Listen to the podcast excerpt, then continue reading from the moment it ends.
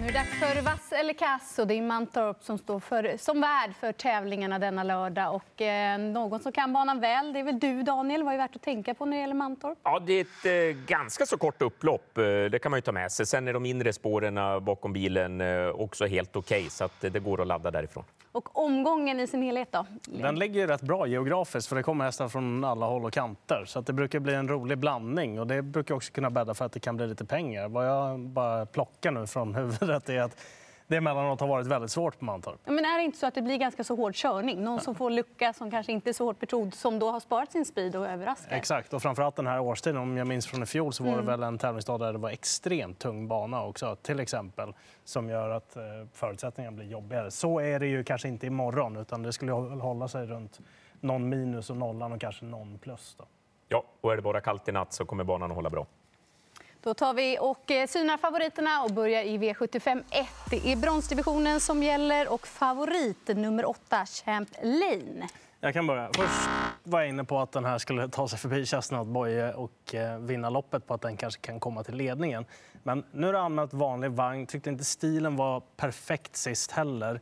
Och då tror jag nog att sju Chestnut Boye är den som är den bättre av dem till morgondagen i alla fall. Så att han får eh, första budet i det här loppet. Men det är fullt möjligt att man kommer fylla på med lite andra hästar vart efter.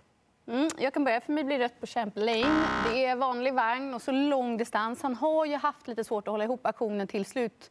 Även så senast i finalen också. Att det är 500 meter längre, då måste han nog få pausa lite under vägens gång för att han ska hålla ihop aktionen hela vägen. Och det är klart att jag också föll först för sju Chestnut Boye. Men när jag såg den starten på nyårsafton, han såg inte bra ut innan galoppen kom där efter 800 meter. Så, att, ah, det är täta starter här och det är frågan, det kan ha varit så enkelt så att det var banan. Men det var inte ett intryck som gör att jag vågar gå på någon. Så att här letar jag skräll och då är nummer 9 Silver Bullet given till 5% Har gjort två starter i ny regi och det var en riktigt vass avslutning han levererade senast. Distansen, den räds han inte. Nej, och det blir rött eh, för mig med. Eh, jag gillade inte intrycket på någon av de mest eh, betrodda, varken Chestnut Boy eller Champlain senast. Silver Bullet som eh, ruggigt bra avslutning senast och sen eh, på läget då, etta Morsellevallo som ser riktigt formstark ut. Mm. Favoriten har bakspår i volten i den andra avdelningen och det är nummer nio, Oscar of Sand. 45 procent. Vad säger ni om det? Ja, eh, det är på tok för mycket för min del. Jag tror att han kommer att sjunka en hel del under eh, morgondagen.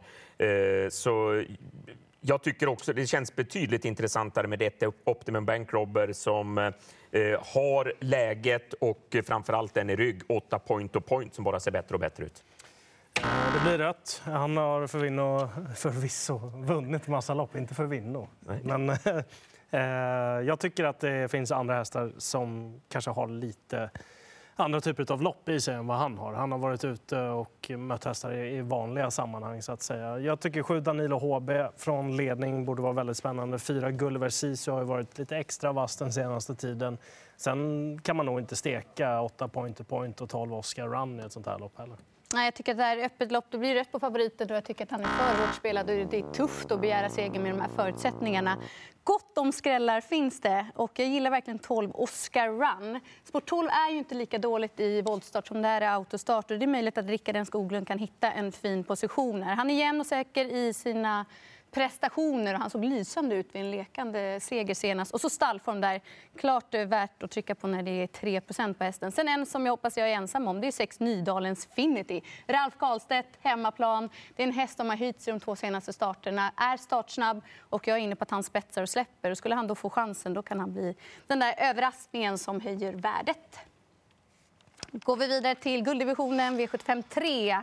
Och här är det sex Lucifer Lane till 44 för hög spelprocent. Eh, jag tycker att eh, nummer ett, Remarkable Feet, är väl den som är mest spännande med tanke på hur den såg ut i den senaste starten. Tar man med det intrycket hit på läge och Örjan upp det måste ju vara hett. Det är väl den och Disco Volante då, som man kan plussa lite grann för. Och så en stänkare är väl Nivald och Kaja Hinde om det klaffar. Rätt på Lucifer Lane. Han gör det ofta väldigt bra, men det är inte så ofta han sätter nosen först. Och jag tycker att det finns säkert värde här i sex, inte sju. Disco Volante, om man är i ordning. Han älskar den här årstiden. Och nu rankar alla ner honom på grund av att han inte presterade senast. Men till den här procenten då spikar jag.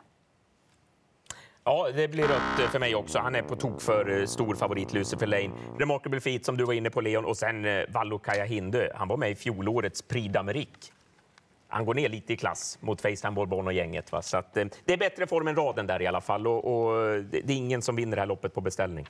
Mm, går vidare till eh, den fjärde avdelningen. Det är diamantstoet med tillägg och favorit från startvolten nummer 5, Nikita Freyhaut, 18 procent tycker nog att det är ganska rimligt faktiskt, måste jag säga. Eh, den ihop med eh, Florist som står längst bak, det är de två som jag kan tänka mig att ha med på, på lappen. Så att, eh, klassiskt, hederligt lås på hästarna 5 och 15. Ja, för mig blir det ju rött enbart för att jag tycker att det är Florist som ska ha eh, högst vinstchans i loppet där av högre procent. Jag håller med om att Nikita Freja är den andra hästen i loppet. Så skulle jag gå kort, då är det de två som sticker ut. Annars är det ju väldigt öppet där bakom. Jag tror man kommer gå långt, framförallt på Florist. Ja, eh, det blir rött för mig också. Eh, spår 5, voltstart har löst eh, snäva spår tidigare, jag vet det. Men nej, jag tycker att två Chantal kan vara intressant också.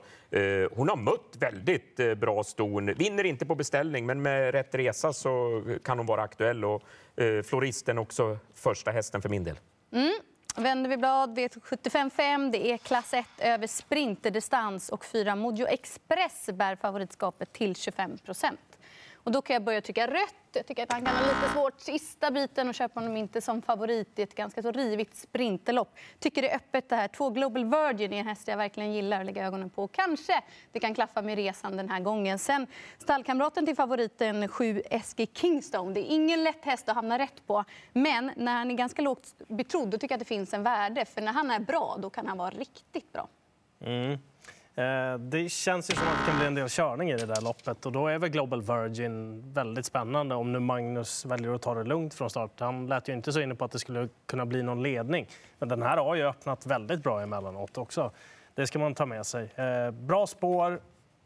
Sprinterdistans tror jag också är eh, alldeles utmärkt för henne. Jag tycker hon är jättespännande. Nummer två, Global Virgin. Ja, jag trycker också rött eh, på Mojo Express. Eh, eh, Bra stallform alltihopa, men det kommer att bli rejäl körning. Klå kommer att prova, Bandit Frontline kommer att prova. Kanske Magnus blandas i det hela också med Global Virgin.